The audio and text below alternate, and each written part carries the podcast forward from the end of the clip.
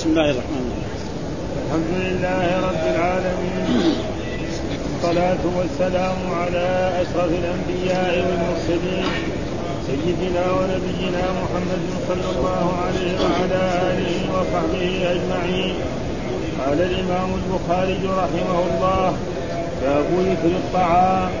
قال حدثنا قتيبة. قال حدثنا أبو عوانة عن قتادة عن انس عن أبي موسى الأشعري قال قال رسول الله صلى الله عليه وسلم مثل المؤمن الذي يقرأ القرآن كمثل الفتوشة ريحها طيب وطعمها طيب ومثل المؤمن الذي لا يقرأ القرآن كمثل التمرة لا ريح لها وطعمها حلو ومثل المنافق الذي يقرأ القرآن كمثل الريحانه ريحها طيب وطعمها مر ومثل المنافق الذي لا يقرأ القرآن كمثل الحنظلة ليس لها ريح وطعمها مر. قال حدثنا مسدد قال حدثنا خالد قال حدثنا عبد الله بن عبد بن عبد الرحمن عن أنس عن النبي صلى الله عليه وسلم قال فضل عائشة على النساء كفضل السريد على سائر الطعام. قال حدثنا أبو نعيم قال حدثنا مالك عن سمي عن أبي صالح عن أبي هريرة عن النبي صلى الله عليه وسلم قال سفر قطعة من العذاب يمنع أحدكم نومه وطعامه فإذا قطع نهمته من وجهه فليرسل إلى أهله. باب الأذن. قال حدثنا قتيبة بن سعيد قال حدثنا إسماعيل بن جعفر عن رفيعة أنه سمع القاسم بن محمد يقول كان في بريرة ثلاث سنن أرادت عائشة أن تشتريها فتعتقها فقال أهلها ولنا الولاء فذكرت ذلك لرسول الله صلى الله عليه وسلم فقال لو شئت شرطتيه لهم وإنما الولاء لمن أعتق. قال وأعتقت فخيرت في أن تقر تحت زوجها أو تفارقه.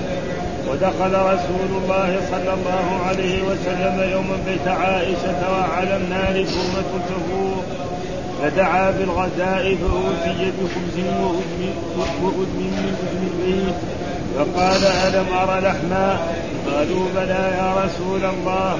ولكنه لحم تصدق به على بريرة فأهدته لنا فقال هو صدقة عليها وهدية لنا. باب الحلوى والعسل. قال حدثنا إسحاق بن إبراهيم الحنظلي عن أبي أسامة عن هشام قال أخبرني أبي عن عائشة رضي الله عنها قالت كان رسول الله صلى الله عليه وسلم يحب الحلوى والعسل. قال حدثنا عبد الرحمن بن شيبة قال أخبرني ابن أبي الهديك عن أبي عن ابن أبي ذئب عن المخبري عن أبي هريرة قال كنت الزم النبي صلى الله عليه وسلم لشبع بطني. حين لا آكل الخمير ولا ألبس الحرير ولا يخدمني فلان وفلانة وأبصق بطني بالحصباء وأستغرق زل الآية وهي معي كي ينقلب بي فيطعمني. وخير الناس للمساكين جعفر بن أبي طالب. ينقلب بنا فيطعمنا. ما كان فيطعمنا ما كان في بيته. حتى إن كان ليخرج إلينا. العكة ليس فيها شيء. فنشتق فنشتقها فنلعق ما فيها. باب الدباء. قال حدثنا عمرو بن علي قال حدثنا أزهر بن سعد عن ابن عون عن همامة بن أنس أن عن أنس أن رسول الله صلى الله عليه وسلم أتى مولى له أتى مولى له خياطا فأوتي بدباء فجعل يأكله فلم يزل حبه منذ رأيت رسول الله صلى الله عليه وسلم يأكله. باب الرجل يتكلف الطعام لإخوانه. قال حدثنا محمد بن يوسف قال حدثنا سفيان عن الأعمش عن أبي وائل عن أبي مسعود الأنصاري. قال كان من الأنصار رجل يقال له أبو شعيب وكان له غلام لحام فقال اصنع لي طعاما أدعو رسول الله صلى الله عليه وسلم خامس خمسة. فدعا رسول الله صلى الله عليه وسلم خامس خمسه فتبعهم رجل فقال النبي صلى الله عليه وسلم إنك دعوتنا خامس خمسه وهذا رجل قد تبعنا فإن شئت أذنت له وإن شئت تركته. قال بل أذنت له. قال محمد بن يوسف سمعت محمد بن إسماعيل سمعت محمد بن إسماعيل يقول إذا كان القوم على المائدة ليس لهم أن يتناولوا من مائدة إلى مائدة أخرى ولكن يناول بعضهم بعضا يناول بعضهم بعضا في تلك المائدة أو يدعوا أعوذ بالله من الشيطان الرجيم. بسم الله الرحمن الرحيم. الحمد لله رب العالمين والصلاة والسلام على سيدنا ونبينا محمد وعلى آله وصحبه وسلم أجمعين. باب ذكر الطعام. يعني والقرآن أتى فيه كلوا من طيبات ما رزقناكم. فكل شيء حلال وكل شيء هذا جائز. وحل لكم الطيبات وحرم عليكم الخير لكن هنا أتى بحديث الذي يظهر منه أنه ما ما في دليل. ها وهو مسألة إيه؟ الشيء الذي يعني مثل المؤمن الذي لا يقرأ القرآن كمثل التمرة. لا ريح لها وطعمها حلو. طعمها حلو. هذا هذا الذي ساب الحديث. وإلا هذا يعني ذكروا أول في فضائل القرآن. دحين جايبه هنا الإمام البخاري بمعنى بعيد يعني تقريبا بالنسبة إلى وهو أن الذي يقل كمثل إيه؟ التمرة. مثل المؤمن الذي لا يقل كمثل التمرة لا ريح لها وطعمها حلو طعمها والتمر إيه؟ مما يطعم. مما يأكله الإنسان وهو طيب. فمن هذه الحيثية أتى به. باب ذكر فلذلك بعض بعض الشراح للبخاري يعني انتقد البخاري يقول هذا ما في دليل على ولكن الصحيح إنه له يعني ممسك وله دليل. باب ذكر الطعام والله أحل لنا الطيبات ومن جملة ذلك الحلال والطيب كله من لحم أو غير ذلك. وذكر هذا الحديث ليستدل به على هذا المعنى وإلا هو ذكر في فضائل القرآن. حدثنا قتيبة قال حدثنا أبو عوانة عن قتادة عن أنس عن أبي موسى الأشعري. قال رسول الله صلى الله عليه وسلم مثل المؤمن الذي يقرأ القرآن كمثل الترجان. ترجان يعني ريحها طيب وطعمها طيب. ومثل المؤمن الذي لا يقرأ كمثل التمرة لا ريح لها وطعمها حلو. وهذا محل الشاهد. ومثل المنافق الذي يقرأ القرآن كمثل الريحانة ريحها طيب وطعمها موسوء ومثل المنافق الذي لا يقرأ كمثل الحنظل ليس لها ريح وطعمها مر فيقول في هذا الحديث يعني صحابي يروي عن صحابي. أنس بن مالك أصحاب النبي صلى الله عليه وسلم عن أبي موسى الأشعري. وهذا موجود كثير في الأحاديث. صحابي يروي عن صحابي لأن أنس صغير بالنسبة إلى أبي موسى الأشعري قال قال رسول مثل المؤمن الذي يقرأ القرآن. آه كمثل الترجة. الترج معروف يعني شيء يشبه الليمون بس هو كبير جدا. يوجد يعني هنا ما أشوف أنا في المدينة في لكن في نجد كثير يعني. قديم ها؟ وفي اليمن كمان ها؟ إيه. في نجد يعني رايته يعني. أما هنا في المدينة هو زي الليمون بس كبير. الليمون يجي كذا صغار هو يجي تقريبا كذا هذا. ها ريحها طيب وطعمها طيب. هذا طيب. ريحها طيب تشمه له طعم وطعمها طيب. ومثل المؤمن الذي لا يقرأ القرآن كمثل التمره لا ريح لها وطعمها آه طيب كذلك. آه وهذا محل الشاهد الذي يطابق إيه التمر. لأنه قال ذكر الطعام. وذكر الطعام يشمل إيه؟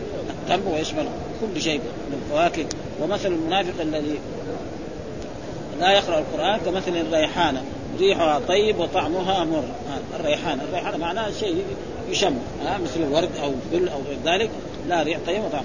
ومثل الذي لا يقرأ مثل الحنظلة. ليس ريح وطعمها مر. فالحنظل ليس له ريح وطعمه مر. يكفي أن الحنظل لو تعسى الإنسان بريله يعني ساي معاه اسهال يعني يأكل منه شيء. ثم ذكر الحديث الثاني حدثنا مسدد حدثنا خالد حدثنا عبد الله بن عبد الرحمن عن أنس عن النبي. قال فضل عائشة على النساء كفضل السريد على ساء فضل عائشة على النساء كفضل وهذا عائشة أفضل من خديجة ومن فاطمة من جهه من جهة العلم. وإلا خديجة يمكن يعني يمكن أفضل منها لأن الرسول كان يثني عليها وبشرها الله بيت في الجنة. إلى غير ذلك فهذا فإن كان لها فضل فيكون بإيه؟ من هذه ولا قد ها؟ فاطمة. أي وفاطمة اي فاطمة. برضه ما تجي في العلم مثل عائشة ها؟ فخديجة وفاطمة يمكن تكون أفضل من جهة إيه يعني هذه هذه بضعة من الرسول صلى الله عليه وسلم وخديجة لأنها قامت مع الرسول واسلموا معه. ثم ذكر حدثنا أبو نعيم حدثنا مالك عن سمي عن أبي صالح عن أبي هريرة عن النبي صلى الله عليه وسلم قال السفر قطعة من العذاب. السفر قطعة مهما كان السفر. أي شيء. حتى السفر الآن في الحديث على الطائرات إذا وصل يشوف نفسه تعبان. خصوصا لما يركب سفره طويله يركب الطائرة ست ساعات ثمانية ساعات. هذا شيء يعني ها؟ يضايق الإنسان. ها؟ وما يدري إيش النتائج كمان. ها؟ لما يكون في الأرض يمكن شوية لكن لما يكون في الطائر في الجو خمس ساعات أربع ساعات فيها أشياء كثيرة. هذا بنفسه يعني نفسيته ما ما هي مرتاحة. هذا واحد. يمنع احدكم نومه وطعامه. نومه ما يكون مثل نومه إذا ما كان في بلدي عند أهلي ابدا. شيء معروف. الإنسان لما ينتقل من بلد إلى بلد ويذهب إلى ينزل عند إخوانه أو أقاربه أو ينزل في الفندق أو ينزل في أي مكان فإن نومه وطعامه لا لأنه في بيته في ترتيب عنده. ها في اكلي وفي شربي متى لما يروح ضيف الناس مثلا عادته يتغدى الساعة بعد الظهر ذاك اليوم يجيبوا له الغداء قريب العصر أو بعد العصر. هذا هذا يخالف عليه. ها وعادته ينام مبكر. كثير أشياء يعني شيء نحن جربناه يعني. أنا دحين أسافر مرات إلى جدة. ما أرتاح إلا في المدينة. ما ما أروح في أولادي في جدة. يعني ما ابدا. أحسب الأيام اللي أنا يعني عن المدينة. ولما أجي هنا ما أحسب الأيام اللي أنا قاعد في المدينة. ولا بد غيري كذلك. ها؟ ابدا. خلي هذا إذا كان عند آخر ضيوف ها؟ خلي إذا كان مثلا يدفع وهذا شيء مشاهد يعني. ها والرسول لا ينطق السفر القطع يمنع أحدكم نومه وطعامه. هذا شيء مشاهد. الطعام اللي هو يبغى يأكل مثلا عنده في بيته أهله أو زوجته له طعامه. هنا هنا يجي يختلف الطعام ويختلف الوقت قال فإذا قضى نهمته يعني حاجته من سفر سافر للحج أو للزيارة أو للعمرة أو سافر للتجارة أو سافر يعني للعلاج فإذا انتهى منها ها فليعجل إلى أهله لأنه هناك يرتاح إلى أهله وهذا شيء مشاهد وصدق رسول الله صلى الله عليه وسلم. آه يقول هنا باب ذكر الطعام ذكر فيه ثلاثة أحاديث. أحد حديث أبي موسى مثل المؤمن الذي يقرأ القرآن وقد سبق شرحه في فضائل القرآن والغرض منه تكرار ذكر الطعم. فيه والطعام يطلق بمعنى الطعم ها؟ الذي في الحديث الذي ها؟ كمثل التمر لا وطعمها والمصدر كل واحد المصدر والفعل الماضي والفعل المضارع المادة واحدة إنما قد يعني يكون شيء يؤدي إيه؟ معنى غير لا فالماضي مثلا يؤدي طعمه يعني في الماضي يطعم معناه في المضارع. المصدر لا يدل على الحدث. مثلا ها؟ قرأ ويقرأ وقراءة. في فرق بينهم. قراءة يدل على الحدث بس. قرأ على الماضي يقرأ على الحال والاستقبال. اقرأ على الطلب للمستقبل. فطعم على كل حال يشمل. ها يشمل إيه كله. فهذا محل الشاهد الذي سيق منه والغرض منه تكرار ذكر الطعم فيه والطعام يطلق بمعنى الطعم. ثانيا حديث أنس في فضل عائشة وقد مضى التنبيه عليه قريبا وذكر فيه الطعام. ثالثا حديث أبي هريرة السفر قطعة من العذاب ذكر بقوله يمنع أحدكم نومه وطعامه وقد مضى شرحه في أواخر أبواب العمرة بعد كتاب الحج. وقال ابن بطال معنى هذه الترجمة إباحة أكل الطعام الطيب. هذا المقصود ها؟ إباحة أكل الطعام الطيب وأن الزهد ليس بخلاف ذلك. يعني واحد يتزاهد يقول لا أنا ما أكل زي اللحم ولا ما أفعل كذا ولا ما أكل هذا ليس فإن ليس ليس بخلاف ذلك. فإن في تشبيه المؤمن بما طعمه طيب بما طعمه طيب وتشبيه الكافر بما طعمه مر ترغيبا في أكل الطيب. فإن في تشبيه المؤمن بما طعمه طيب وتشبيه الكافر بما طعمه مر ترغيبا في أكل الطعام الطيب والحلو. وقال وإنما كره السلف الإدمان على أكل الطيبات خشية أن يصير ذلك عادة فلا تصبر النفس على فقدها. وجاء يعني اخشوشنوا فإن النعمة لا تدوم. ففي مرات يأكل أشياء خشنه عشان قد قد يزول هذا كثير هذا معروف. وأما حديث ابي هريرة ففيه إشارة إلى أن الآدمي لا بد له في الدنيا من طعام. فيه إشارة إلى أن الآدمي لا بد له في الدنيا من طعام يقيم به جسده ويقوى به على طاعته. فإن الله جل وعلا جل جبل النفوس على ذلك لقوام الحياة. لا بد أن يأكل. ها؟ ولا لكن المؤمن يأخذ من ذلك بقدر إيثاره بايثاره أمر الآخرة على الدنيا. يعني ما يكون الدنيا هي كل شيء والأكل هو كل شيء. لا ها؟ فيأكل يتقوى كما جاء في الحديث وفي بضع أحدكم صدقة وإن القلقمه التي يجعل في في فم امراته له فيها أجر وله فيها ثواب. فلذلك يكون إيه؟ وفي ذكر الطعام في ذكر الطعام دخول فإن لفظ المتن يمنع أحدكم النوم وهو طعامه. ثم ذكر باب الأدم الأدم معناه مفرده إدام. وبعضهم يقول نفس الأدم هو إيه؟ هو هو الجمع. ها؟ أدم يعني إيش الإدام هو ما يكون الخبز يغمس فيه فيأكل. هذا هو الإدام وكان مر علينا يقولوا أن الناس المتقدمين يقولوا نعم آه نعم الإدام الخل فالخل عند الناس الأولين يمكن كان إدام. أما الآن فليس بإدام ولا شيء. ها إيش الأدم ما يؤدم به. يكون عنده خبز يضع في نفس الإدام هذا ويأكل. فيلين الخبز ويكون له طعم لذيذ. هذا والأدم أنواع كثيرة. قديما وحديثا. يعني مثلا الناس الأولين كانوا يأكلوا مثلا المرق نعم أو السريد أو غير ذلك هذا. باب الأدم يقول باب بضم الهمزة والدال المهملة ويجوز إسكانها. جمع إدام وقيل هو بالإسكان المفرد وبالضم الجمع يعني بالعكس. إدام جمع إدام وقيل بالإسكان المفرد أدم وبالضم الجمع. إذا كان بالضم الأدم هذا الجمع وذكر فيه حديث عائشة في قصة بريرة. وقصة بريرة هذه كم مرة؟ يعني يكرره الإمام البخاري رحمه الله تعالى في أشياء. قال حدثنا قتيبة بن سعيد حدثنا إسماعيل بن جعفر عن ربيعة أنه سمع القاسم بن محمد قاسم بن محمد بن أبي بكر. هنا عن قاسم بن محمد يقول كان في بريرة. لأنه وهو ما كان حاضر. يعني أبي بكر. ها؟ إيه إيه. يعني فهذا لكن في روايات أخرى تقدمت لنا في نص صحيح البخاري عن عن القاسم بن محمد عن عائشة. فهنا دحين ليش؟ يقول من عادة البخاري لما يروي حديث وجد طريقة يغير ولو كان أما السند أو شيء. هناك كم مرة دحين رواه يقول عن عن محمد عن القاسم محمد عن عائشة. دحين قال لا عن القاسم محمد قال كان بدر فصار مرسل. يعني تبديل وتغيير. ها؟ هذا ما يريده لأنه هو الحديث متصل عن عائشة لأنه هو ما حضر. ما حضر. لكن البخاري هناك في احاديث قدمت لنا في في في الطلاق وفي الطلاق يعني إذا اعتقت الأمة ذكروا هناك وذكر عن عائشة فإذا ما في شيء يقول آه، كان في بريرة، بريرة هي هي جارية مملوكة لبعض الأنصار ثم خاتمها أسيادها على تسع أواق من فضة وتمت السنة ولم تتحصل على شيء فجاءت إلى عائشة فقالت ساعدين. يعني أعطيني إذا عندك وقية أو شيء فقالت أنا أعطيك التسع الأواق كلها ويكون ولاؤك لي. شاوري اسيادك فجاء ولد قالت لا إن لازم الولاء يكون له. فلما جاء الرسول أخبرت الرسول بذلك فقال الرسول اشتريها فإنما الولاء لمن أعتق. الولاء يعني لا يكون إلا لما هذا حكم شرعي. فولو هذا وهذا شرط باطل. فاشترتها ثم بعد ذلك الرسول رفع على المنبر وقال إنما الولاء لمن اعطى كل شرط ليس في كتاب الله فهو باطل وإن كان مئة شرط. فهم عرفوا نفسه وهذه عادة الرسول ما يقول ما بال محمد ولا بال خالد ولا بال محمود. ولا شيء. ما بال أقوام يشترطون شروطا ليست في كتاب الله. كل شرط ليس في كتاب الله فهو باطل وإن كان مئة شرط. ها؟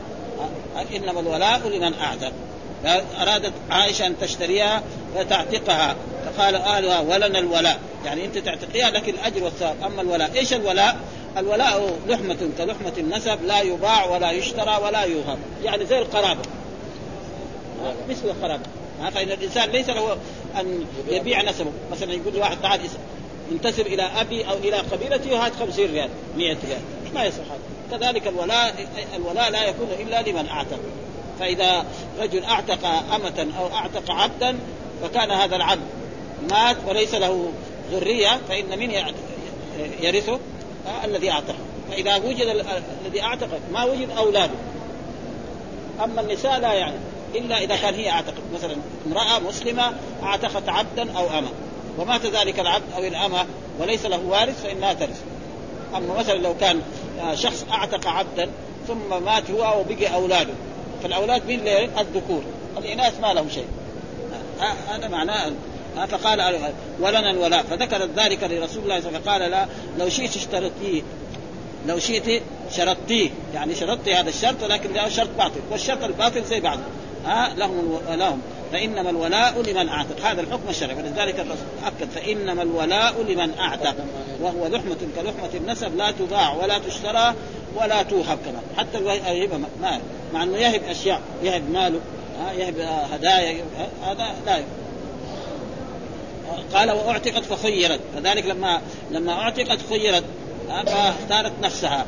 قالت ما تبغى لأنه كان زوجها يعني عبد مملوك. وهي لما اعتقت قالت ما تبغى. وكان هذا زوجها كان يجري خلفها وهو يبكي تصيب دموع وله أولاد منها. فقال لها الرسول لو ترجع إلى يعني أبي ولدك فقالت يا رسول أنت شافع أو آمر؟ فإن كنت آمر ها؟ أرجع لك. بقول الله تعالى إذا قضى الله ورسوله أمرا أن يكون لهم الخيرة من أمر وإذا كنت شافع فأنا لا أريد. فقال الرسول أنا شافع ليس آمر. وهذا فهم من ذلك حكم شرعي أن الأمة إذا اعتقد فإن يعني لها أن تختار نفسها. فإن اختارت نفسها فسخ النكاح. وإذا بعدما اعتقت وعلمت وعلم زوجها أنها معتقة ومكنته من نفسها لأن جامعها فليس لها يعني خيار. يعني. هذا واحد. والسنة الثانية يعني يعني أحكام شرعية. المراد هنا لا أحكام شرعية بسبب إيه؟ بسبب إيه؟ ها؟ إذا كان عند المعتق المعتق أولاد. ها؟ عند المعتق أولاد. إيه. ومات. إيه؟ يرث السيد ولا اولاده؟ العبد ما يرث. هو هو ما يرث لكن هو آه، السيد يرث. اذا في أولاد ما يرث. يعني إذا كان العبد مات وله أولاد من لا يرث؟ أولاده. لأن اولاده يكون أحرار بشرط أما لو كان أولاده مثلا مماليك ما يرث. شرط يكون اولاده احرار أما لو فرض إنه أيام ما كان رقيق له أولاد الأولاد ما لهم شيء لأن الأولاد ينسبوا إلى الأم ولذلك الإسلام نهى الرجل يعني العبد يتزوج الامه لأنه إذا تزوج الامه إيش يسبب؟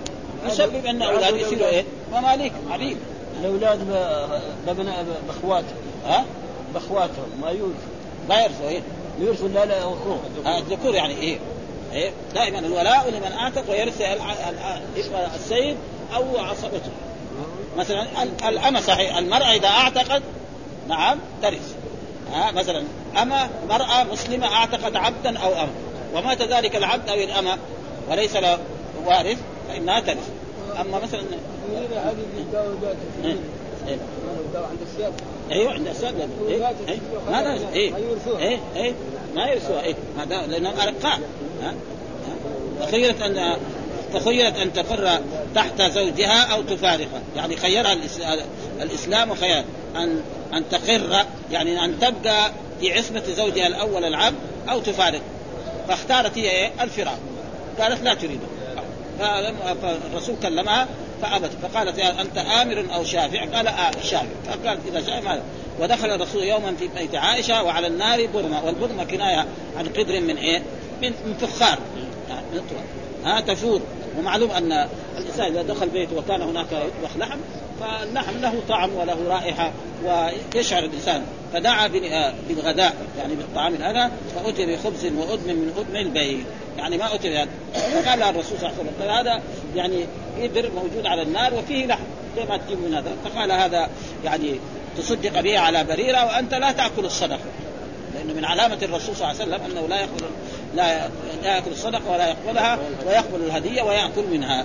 ولكنه تصدق به على بريره فأهدته لنا يعني أهدته لأهل البيت فقال هو صدقة عليها وهدية لنا. وما تعرض فالظاهر أنه الرسول يعني قدم له ها باب الأد بضم الهمزة والدال والمهملة ويجوز إسكان جمع إدام وقيل هو بالإسكان المفرد وبالضم الجمع. ذكر فيه حديث عائشة في قصة بريرة وفيه فأتي بأدم من إدام البيت. وفيه ذكر اللحم الذي صدق به على بريرة وقد مضى شرح مستوفى في الكلام على قصة بريرة في الطلاق. وحاكم بن عن قال دلت القصة على إيثاره عليه الصلاة والسلام اللحم إذا وجد إليه سبيل. يعني اللحم إذا وجد إليه سبيل يعني لو لو ما الرسول يحب يعني يأكل اللحم كان يقول لي آكل من هذا. فإذا وجد اللحم ومعلوم الناس العرب يعني اللحم يعني شيء أحسن يعني شيء. قال يقول وقال ودلت القصة على إيثاره عليه الصلاة والسلام اللحم إذا وجد إليه سبيل ثم ذكر حديث بريره بريرة رفعه سي رفعه سيد الإدام في الدنيا والآخرة اللحم. يعني في حديث عن إيه؟ بريرة رفعه سيد الإدام في الدنيا والآخرة. والقرآن ذكر. لحم طير ما يشتهون في وصف أهل الجنة. وأما ما ورد عن عمر وغيره من السلف من إيثار أكل أكل غير اللحم على اللحم فإما لقمع النفس عن تعاطي الشهوات والإدمان عليها. ومر علينا كان مرة من أمير المؤمنين عمر الخطاب قابل أحد الصحابة جاي من جهة قال له من أين جئت؟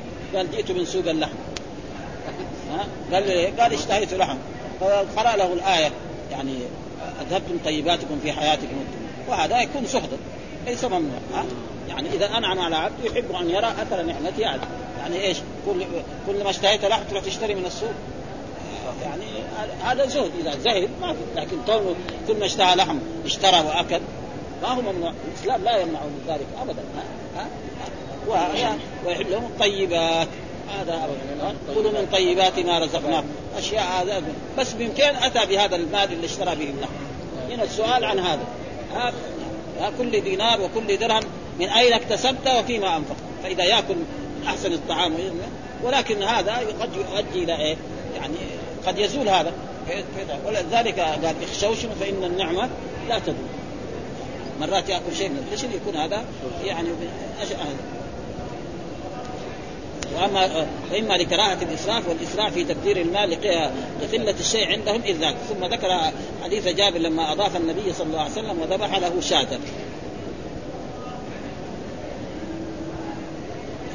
هنا ما ذكر هذا في هناك في ذبح فلما قدمها قال كأنك قد علمت حبنا اللحم. يعني في مرة من المرات أن جابر بن عبد الله أضاف النبي صلى الله عليه وسلم في بيته وذبح فلما قدمها إليه قال له كأنك قد علمت آه، حبنا اللحم للحم وهذا من ذلك أنه جائز. ها الإنسان إذا أكل من الطيب وتمتع به فإن هذا لا يمنع ذلك وقد يؤديه إلى الشكر. وعليه أن يشكر النعم لئن شكرتم لأزيدنكم. وقد اختلف الناس في في, في, في الإدام فالجمهور أنه ما يؤكل به الخبز. كل طعام يؤكل به الخبز إيه يسمى إدام مما يطيبه سواء كان مرقا أم لا.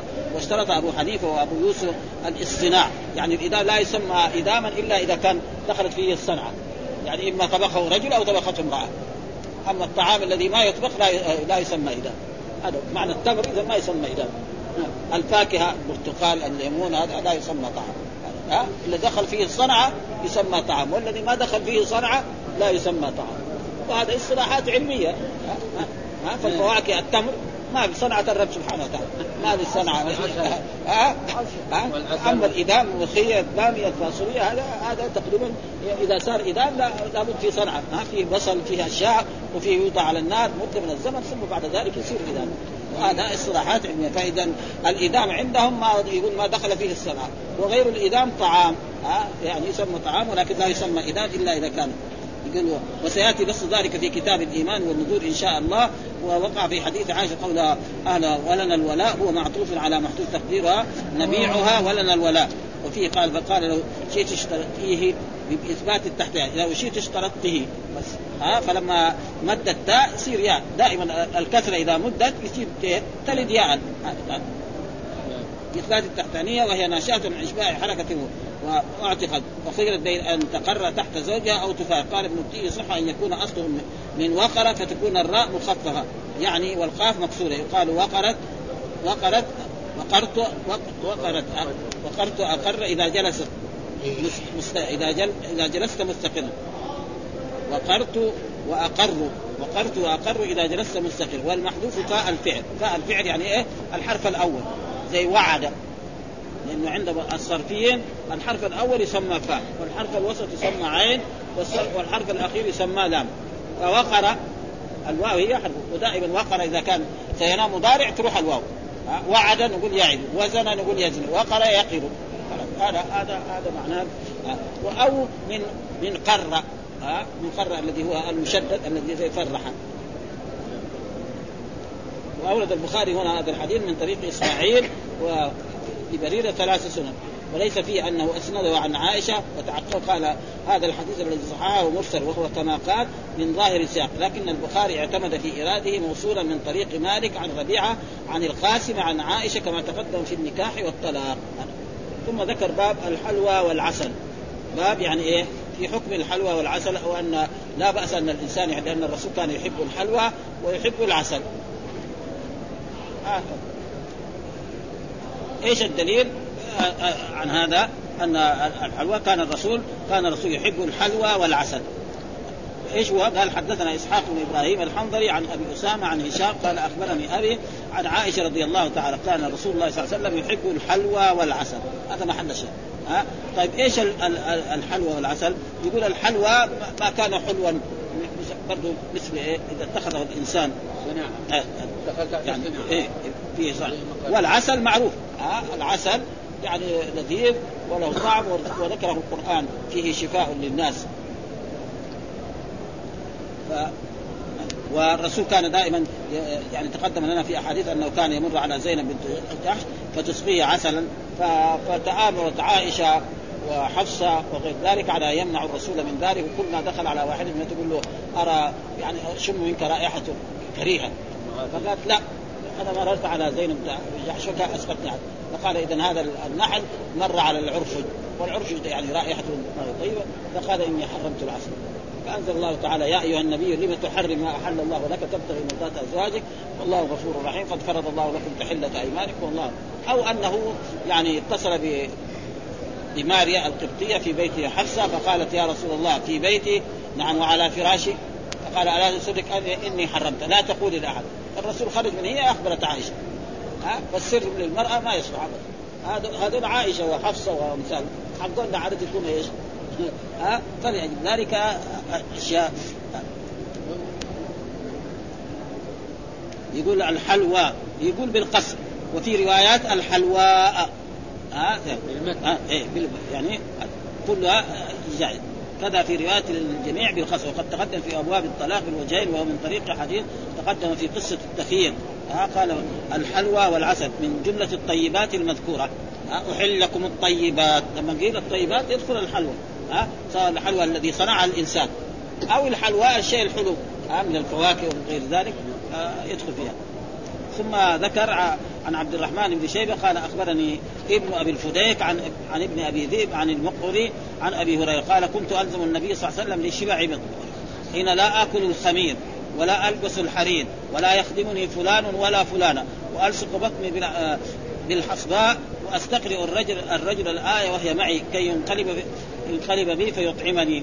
وخير الناس للمساكين. جعفر بن أبي طالب ينقلب فيعطينا ما كان في بيته حتى إن كان ليخرج إلينا. العكه ليس فيها شيء فنشقها فنلعق ما فيها.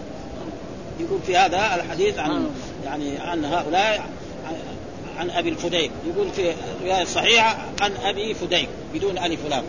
الحافظ يقول يعني عن إيه؟ أبي فديك. ما في إيه؟ الألف واللام. هذا أصح. عن أبي إيه؟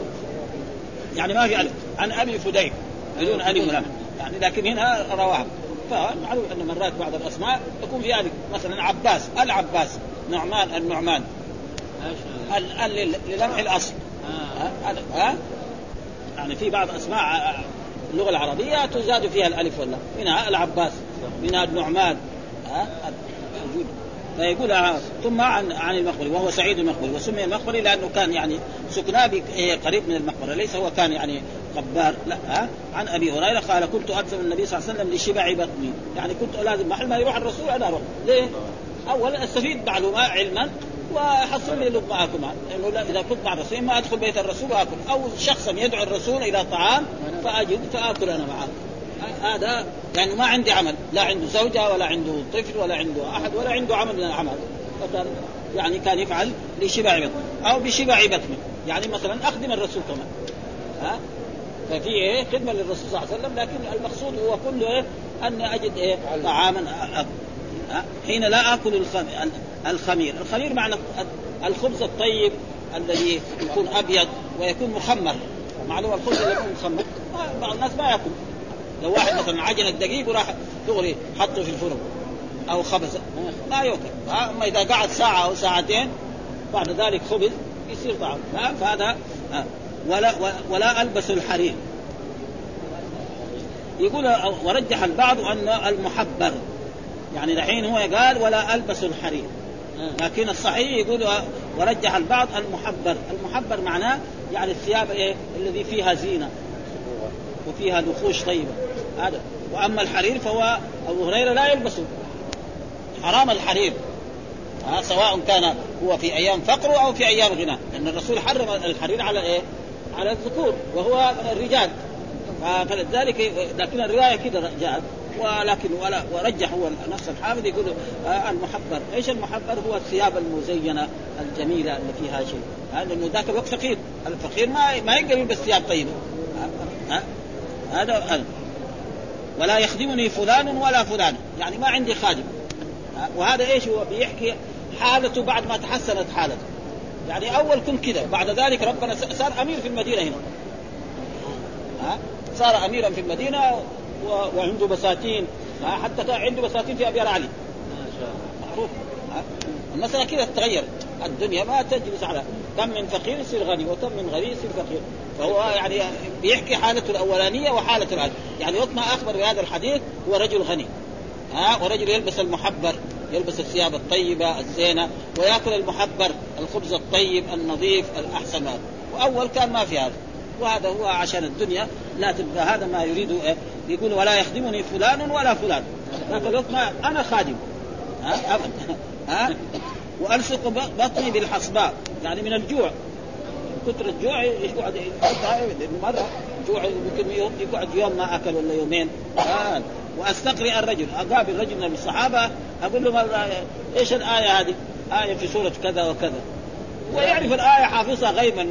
ما ما ما بشيء ها فهذاك يقول له الآية كذا يقول له تعال تعال تقدم عندنا. هو يبغى كذا. يبغى هو ما يقول أنا أعرف. زي ما قال لعمر بن الخطاب. هذا تقدم لنا حديث أنه قابل عمر بن الخطاب وقال له الآية الفلانية. إيش هي؟ ها؟ قال له عمر كذا وكذا. الايه ما قال له تعال تفضل. يقدر يروح وراك كذا كمان طفيلي بشكل كذا فظيع. فبعد ما راح سقط في الأرض فمر عليه رسول الله صلى الله عليه وسلم فناداه يا أبا هر. فصحب ها اخذ شاف يعرف إنه جوعان اخذوه وراح دخل في البيت وأطعمه. فقابل عمر بعد ذلك وقال له يعني هذه المسألة حصل الخير لرسول الله صلى الله عليه وسلم. مر عليه الرسول وأنا الآية اللي سألتك عنها أنا حافظها تمام حفظا إنما بس أنا حبيت أنك يعني تغديني أو تعشيني وإنت ما فعلت لكن الرسول قال يا ريت أنا فعلت يعني أطعمتك. هذا ما وهنا فلان وفلانة يقول في بعض الروايات انه معروف. يعني بين فلان وفلانة منهم وفلان وفلان اللي كان يعني كان يخدم عند عند عثمان بن عفان. ها كان هو إيه؟ ذاك الوقت دحين هو بنفسه كان إيه يستخدم إيه يكون خادم عند ناس. ولقد رأيتني لأجير لابن عفان. ولقد رأيتني وإني لأجير لابن عفان وبنت غزوان بطعام بطني. بنت غزوان هذه فلانة. يعني هناك دحين فلان وفلانة. والصحيح إنه فلان المراد به إيه؟ أجير لعثمان. يروح يخدم عثمان في بيته أو في عنده كان بستان عثمان غني. ها؟ يخدم في بيته أو يسقي يسقي الزرع. فإذا أسقى الزرع يعطوهم بربع ساعة. فهذا ما يريده ثم بعد ذلك المسألة توسعت وأصبح هو من الناس الأغنياء ها؟ وأستقرئ الرجل. نعم والصق بطن بحصباء وأستقرئ الرجل وهي معي كي ينقلب بي فيطعمني. هذا ثم قال وخير الناس للمساكين جعفر بن أبي طالب. يعني كان خير الناس للمساكين هو جعفر بن أبي طالب ابن عم رسول الله صلى الله عليه وسلم ينقلب بنا فيطعمنا. يا جعفر؟ الفقراء إذا جيب يوديهم في بيته وينزل لهم الطعام كله يأكلهم في حتى أن الرسول كان يسميه يعني أبا الفقراء وأبا المساكين. يقول له يا أبا المساكين تعال يا أبا المساكين روح. فهذه ميزة كبيرة معناه انه رجل كريم وانه هذا كان حتى إن كان ليخرج إليه وان كان وهنا مخفف من الثقيلة برضه إن كان ليخرج إلينا العكه ليس فيها شيء. يعني يخرج لنا عكه يتغلق ما فيها شيء فنشقها فنلعق ما فيها. معلوم العكه لو يكون فيها عسل. ثم بعد ذلك ياخذ العسل يأكله. لابد يبقى فيها آثار. فيكون نحن نشق فمها ونلحس الذي داخلها معناه يعني حاجة إيه؟ نلحق فقر وهذا الفقر بعد ذلك زاد. وهكذا الرب سبحانه وتعالى نعم يعني هذا. الفقر يزول ويجي الغنى وبالعكس يكون. هذا ما يريده إيش؟ آه فهذا معناه كنت ألازم النبي صلى الله عليه وسلم بشبع حين لا آكل الخبير ولا ألبس الحرير. يعني المراد يقول المحبر وهو الثياب الطيبة النظيفة التي فيها يعني شيء من هذا هذا أصح الاقوال في هذا الموضوع.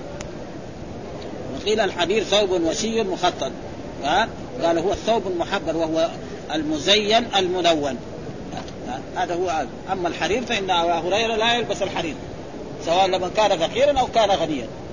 ممنوع الحرير لأنه هو يعرف احكام عنده يمكن أحاديث رواه الرسول الرسول مسك الحرير والذهب قال هذان حرامان على ذكور أمتي يحل لنسائها.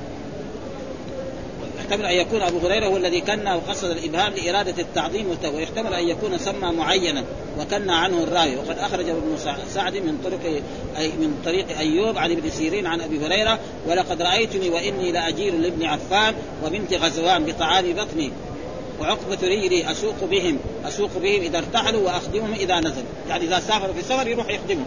ها يصير جمال ويخدمهم إذا إذا نزلوا من الحاجة ومن الفقر إذا فقالت قالت لي يوما لتردن حافية ولتركبن خالد فزوجنيها.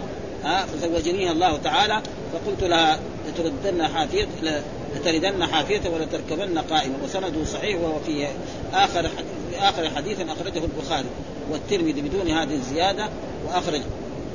وعن كذلك يقول سمعت يقول نشأت يتيما وهاجرت مسكينا وكنت أجيرا لبسرة بنت غزوان الحديث وقول استقرئ الرجل الآية وهي معي. تقدم شرح قصة ذلك في عمر في أوائل الأطعمة وقصة في ذلك مع جعفر في كتاب المناقب. وخير الناس للمساكين وتقدم شرحه في المناقب ووقع في رواية إسماعيل من الزيادة. في هذا الحديث من طريق إبراهيم وكان جعفر يحب المساكين ويجلس إليهم ويحدثهم ويحدثون وكان رسول الله صلى الله عليه وسلم يكنيه أبا المساكين.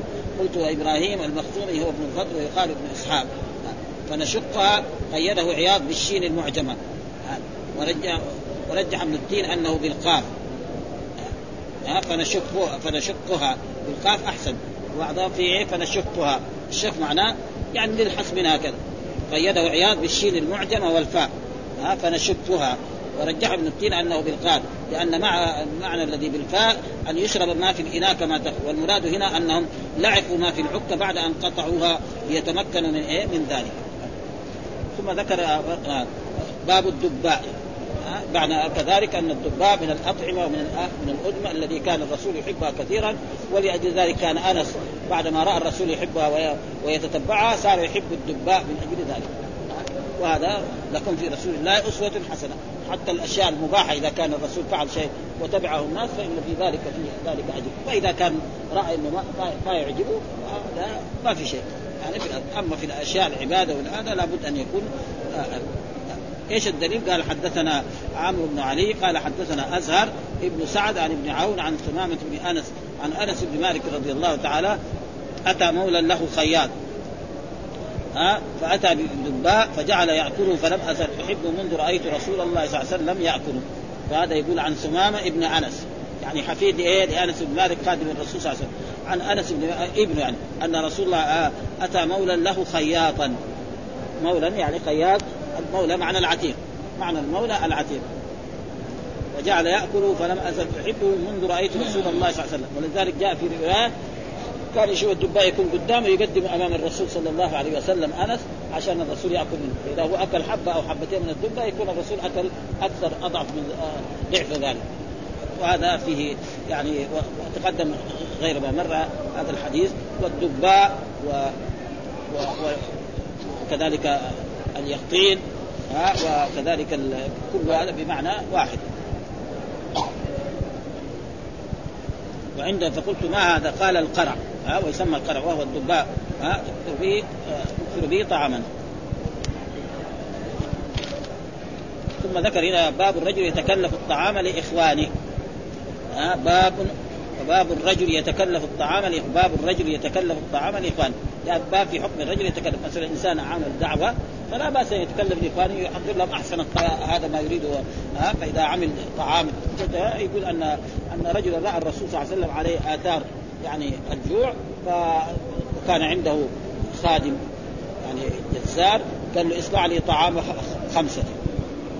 خامسة خمسة. فساوى الطعام ودعا الرسول صلى الله عليه وسلم وقدم فلما جاء الرسول يبغى يدخل وتبعهم واحد. ها طفيلي تقريبا ذاك الوقت سماه قال فقال انت دعوتنا خمسة هذا دحين هل تأذن له أو لا تأذن؟ قال أذن فأذن له. ومعلوم إيه؟ انه طعام الواحد يكفي الاثنين وطعام الاثنين يكفي الثلاثة وطعام الأربعة يكفي فلذلك أذن له ودخل. هذا ما يريده باب الرجل يتكلف الطعام لإخوانه إخوانه من المسلمين. إيش الدليل؟ قال حدثنا محمد بن يوسف حدثنا سفيان عن الأعمش عن أبي وائل عن أبي مسعود الأنصاري قال كان من الأنصار رجل يقال له أبو شعيب وكان له غلام لحام. رجل يقال له أبو شعيب وكان له غلام لحام غلام معناه عبد مملوك. فقال اصنع لي طعاما أدعو رسول الله صلى الله عليه وسلم خامس خمسة. يعني خامس خمسة. يعني هو يكون معاه أربعة وهو الخامس. هذا معنى. خامس خمسة. طيب الرسول هو الخامس وقبله أربعة. فدعا رسول الله خامس خمسة فتبعهم رجل. لما شاف الرجل الرسول ذاهب إلى جهة قال لابد هذول رايحين يدعوا لأنه في هذول ها؟ طفيلين مثل هذا موجودين في, في, كله. فتبعهم رجل فقال النبي إنك دعوتنا خامس وهذا رجل قد تبعنا. فإن شئت أذنت له وإن شئت ترك. قال بل أذنت. فدخل وأكل معهم. والسبب في ذلك أن الحديث المعروف أن طعام الواحد يكفي الاثنين وطعام الاثنين يكفي الثلاثة وطعام الواحد. فلذلك يعني رخص وهنا ذكر فوائد في هذا الحديث عجيبة يعني الحافظ في هذا الموضوع. نقرأ شيء منها بس. قال وفي الحديث جواز الاكتساب بصنعة الجزارة الناس ما يبغوا جزار لو جاء يبغى جزار يخطب بنته ولا أخته ما يزوجه. فيقول هذا ما في شيء. ها يعني الناس يعني جواز الاكتساب بصنعة الجزارة واستعمال العبد فيما يطيق من الصناعة. وانتفاعه بكسبه منها وفيه مشروعية الضيافة وتأكد استحبابها لمن غلبت حاجته لذلك وفي أن من صنع طعاما لغيره فهو بالخيار بين أن يرسله إليه أو يدعوه إلى منزله وأن من دعا أحدا استحب له أن يدعو معه من يرى من أخصائه وأهل مجالسه. وفيه الحكم بالدليل لقوله إني عرفت في وجهه الجوع يعني هذا الرجل يقول عرفت في وجه الرسول صلى الله عليه وسلم الجوع. وأن الصحابة كانوا يديمون النظر إلى وجهه تبركا به وكان منهم من لا يطيل النظر في وجهه حياء منه كما صرح به عمرو بن العاص فيما أخرجه مسلم وفيه أنه كان صلى الله عليه وسلم يجوع أحيانا وفيه إجابة الإمام والشريف والكبير دعوة من دونه هذا من تواضع إيه؟ الرسول صلى الله عليه وسلم. وأكل الطعام ذي الحرفة غير الرفيعة. ما يقول هذا واحد عزم الجزار يقول أنا ما أروح. أرجو. ها؟ فالرسول يذهب إلى مثل هذه الأشياء. وأن تعاطي مثل ذلك تلك الحرفة لا لا يضع قدر من يتوقع فيها ما يكره ولا تسقط بمجرد تعاطيها شهادته وأن من صنع طعاما لجماعة فليكن على قدرهم وان لم يقدر على أكثر. يعني يكون على قدر وإن كان أكثر يكون أحسن عشان لو جاء ناس آخرين يستطيعوا أن يأكلوا. ولا ينقص من إيه؟ قدرهم مستندا إلى أن طعام الواحد يكفي الاثنين وفيه أن من دعا قوما متصفين بصفة ثم طرأ عليه من لم يكن معهم حينئذ أنه لا يدخل في عموم الدعوة. وإن قال قوم أنه يدخل في الهدية كما تقدم أن جلساء المرء شركاء فيما يهدى إليه. وأن من تطفل في الدعوة كان له صاحب الدعوة كان لصاحب الدعوة الإختيار في حرمانه. فإن دخل بغير إذنه كان له إخراج. لو دخل يخرجوه إذا. وأن من قصد التطهير لم يمنع ابتداء. من قصد التطهير لم يمنع لأن الرجل تبع النبي صلى الله عليه وسلم فلم يرده لاحتمال أن تطيب نفس صاحب الدعوة بالإذن. وينبغي أن يكون هذا الحديث أصلا في جواز التطهير لكن يقيد بمن احتاج إليه. وقد جمع الخطيب في في أخبار الطفيليين جزءا فيه عدة فوائد منها أن الطفيلي منسوب إلى رجل كان يقول له يقال له طفيل من بني عبد الله ابن غطفان. كثر منه الإتيان إلى الولائم بغير دعوة فسمي طفيل العرائس. فسمى فسمي من اتصف بعده بهذه الصفه طفيليا وكانت العرب تسميه الوراش بشين معجبة تقول لمن يتبع المدعو بغير دعوة ضيفا كما قرأ في إيه؟ من النور بنون زائدة وقال الكرمان في هذه التسمية مناسبة لللفظ والمعنى في التبعية حيث أنه تابع للضيف والنون تابعة للكلم واستدل به على استتباع المدعو غيره واستدل به على منع استتباع المدعي غيره إلا إذا علم من الداعي الرضا بذلك وأن الطفيلي يأكل حراما. ولنصر بن الجهضمي في ذلك قصة جرت له مع طفيلين واحتج له بحديث ابن عمر رفعه من دخل بغير دعوة دخل سارقا وخرج مغيرا. وهو حديث ضعيف أخرجه. يحتاج إلى ذلك؟ ومن يتكرر صاحب آه. إكراه صاحب الطعام الدخول أما لقلة الشيء أو استثمار الداخل عليه. وهو يوافق قول الشافعي لا يجوز التفصيل إلا لمن كان بينه وبين صاحب الدار انفصال. وفيه أن المدعو لا يمتنع من الإجابة إذا إذا امتنع الداعي من الإذن لبعض من صحبه وأما ما أخرج أن فارسيا كان طيبا آه، المرق صنع للنبي صلى الله عليه وسلم طعاما ثم دعاه. فقال له النبي صلى الله عليه وسلم وهذه لعائشة؟ قال لا. فقال النبي صلى الله عليه وسلم لا. إلى غير ذلك والحمد لله رب العالمين وصلى الله وسلم على نبينا محمد وعلى آله وصحبه وسلم.